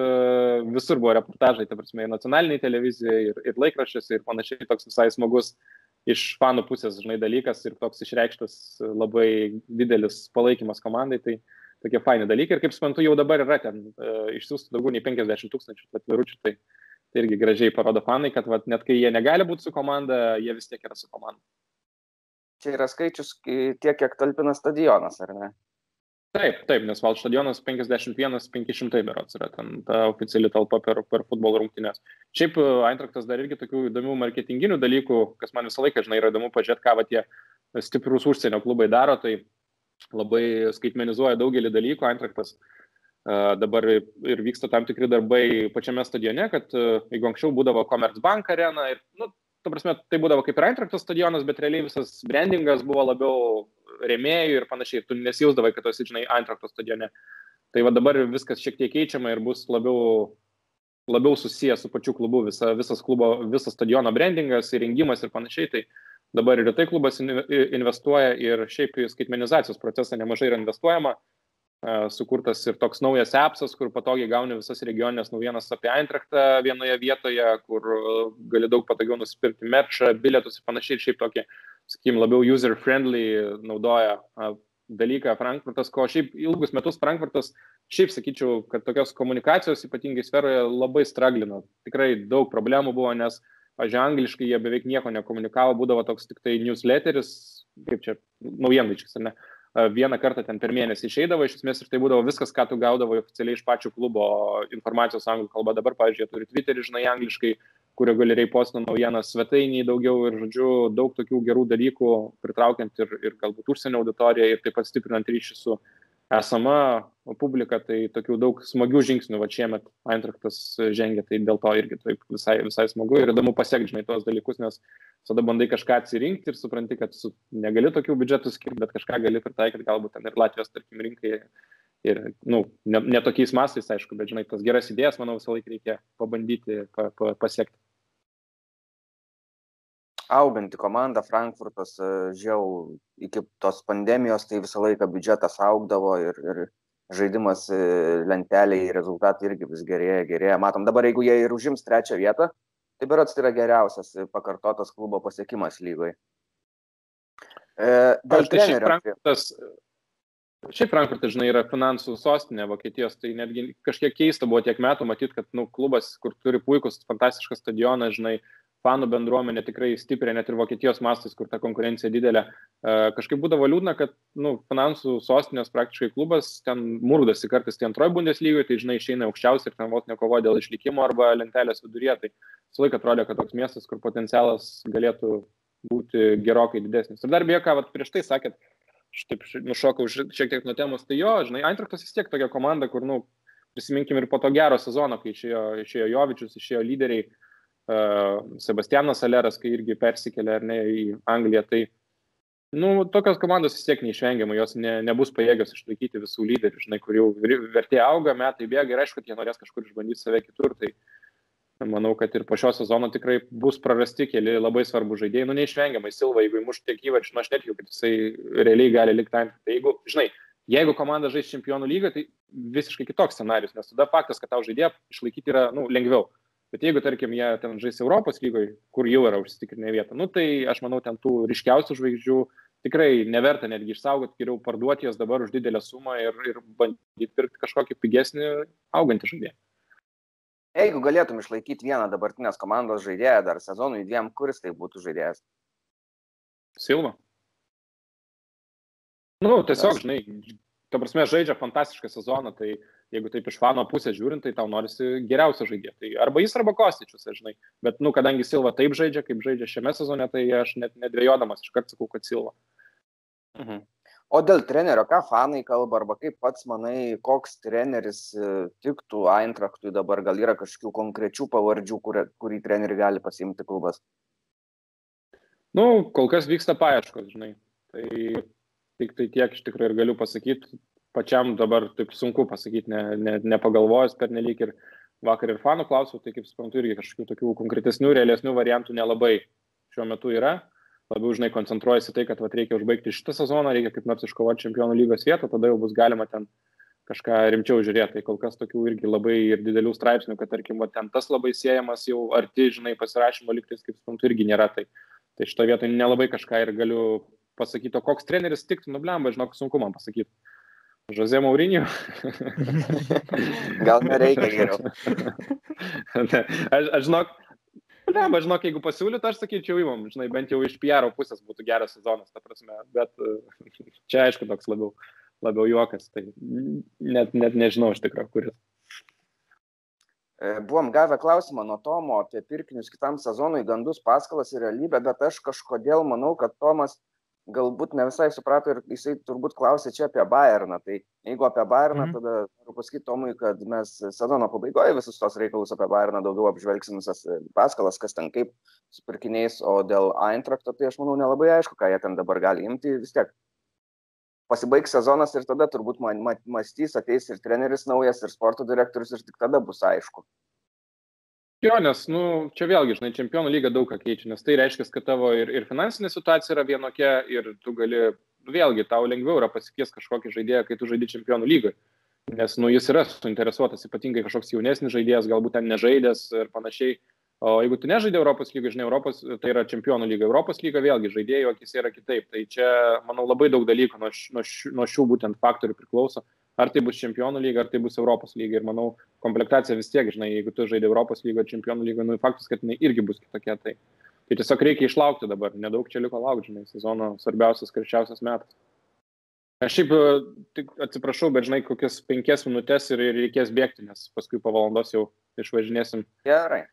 Valmėra tai. Dar klausimų, nes jeigu ne, aš tada turiu paskutinį pas save tokį linksmesnį ir tiek. Gali, gali užduoti.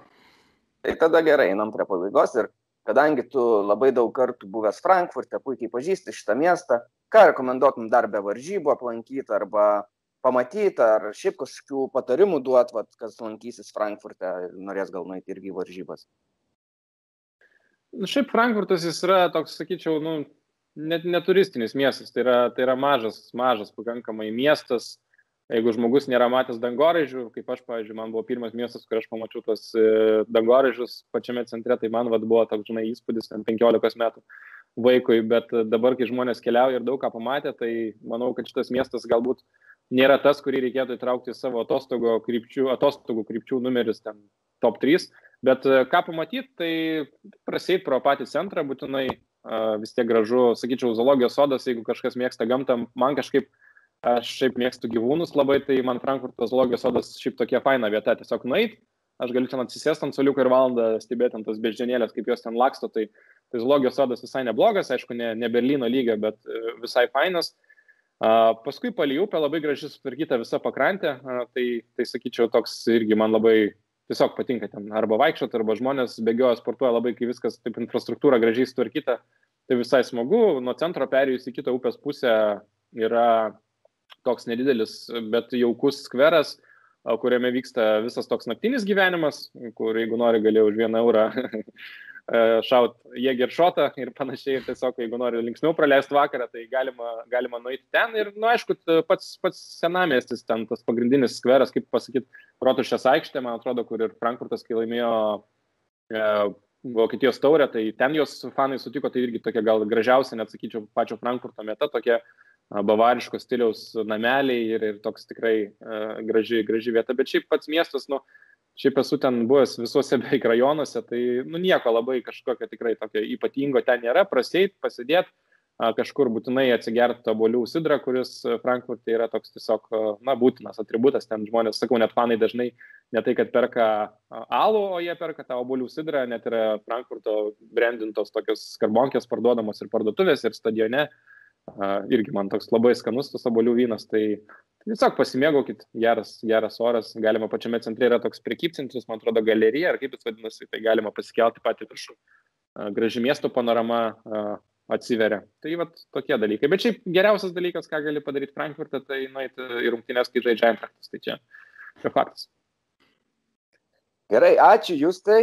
Ir ačiū Pauliau, kad sutikai šiandien su mumis pasikalbėti. Man atrodo, gavosi labai įdomus pokalbis ir, ir kas klausys, turėtų tikrai nenusivilti. Nu, aš tikiuosi, kažką, kažką pakalbėjau. Ką, ačiū, kad pakvietėt, seksim, seksim Bundesliga, klausysiu ir jūsų. Smagu, kad žmonės kažką kalba ir apie Bundesliga, nes pas mus kažkaip, iš esmės, nu, Lietuva nėra tiek daug tų futbolo podkastų, turim skrie kamolį ir, ir va dabar panašu, kad aš tiesą sakant sakau, tikrai nežinau, kad, kad yra apie Bundesliga podkastus, tai reikės pasiklausyti būtinai dažniau ir, ir pasi, pasidomėti labiau, ko kvepuoja Bundesliga ir tikimės, kad Eintraktas bus čempionų lygoje. Tai, va, ta, ta gaida galima ir atsisveikinti. Malonu, Pauliau, ačiū. Graž... Gražiausi marškinėliai Bundeslyga, jeigu kad nors pirksi, tai tai šitų. Gerai. Gerai, ką. Ačiū tau. Iki.